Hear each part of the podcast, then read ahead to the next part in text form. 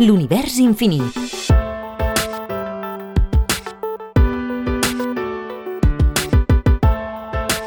Albert Morral, Agrupació Astronòmica de Sabadell. Johannes Sacrobosco, l'astrònom medieval europeu.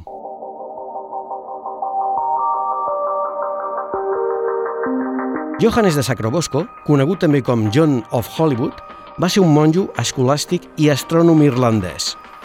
Va néixer a Artan, actual Dublín, Irlanda, en el si d'una poderosa família normanda.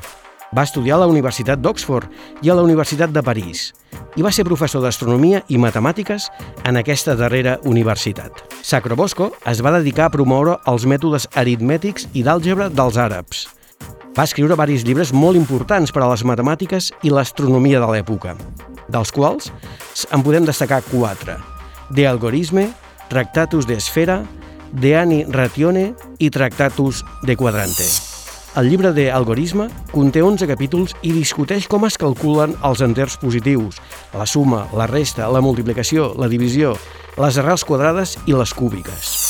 El llibre Tractatus de Esfera el va escriure el 1220 i és un llibre d'astronomia en quatre capítols. Pot dir-se que va ser el llibre referent d'astronomia fins ben bé al segle XVI i va ser el primer llibre d'astronomia imprès el 1472.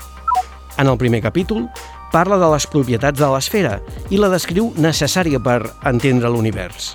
En el segon capítol parla dels cercles que es materialitzen en l'esfera i com es denominen en l'astronomia clàssica. En el tercer llibre tracta de l'ascendència i descendència dels signes del zodíac al llarg de l'any i segons la posició a la Terra. I en el quart llibre parla dels moviments dels planetes i descriu el fenomen dels eclipsis. El llibre de Ani Ratione, escrit el 1232, parla sobre la divisió del dia, de la setmana, el mes, els anys, i els relaciona amb el calendari eclesiàstic.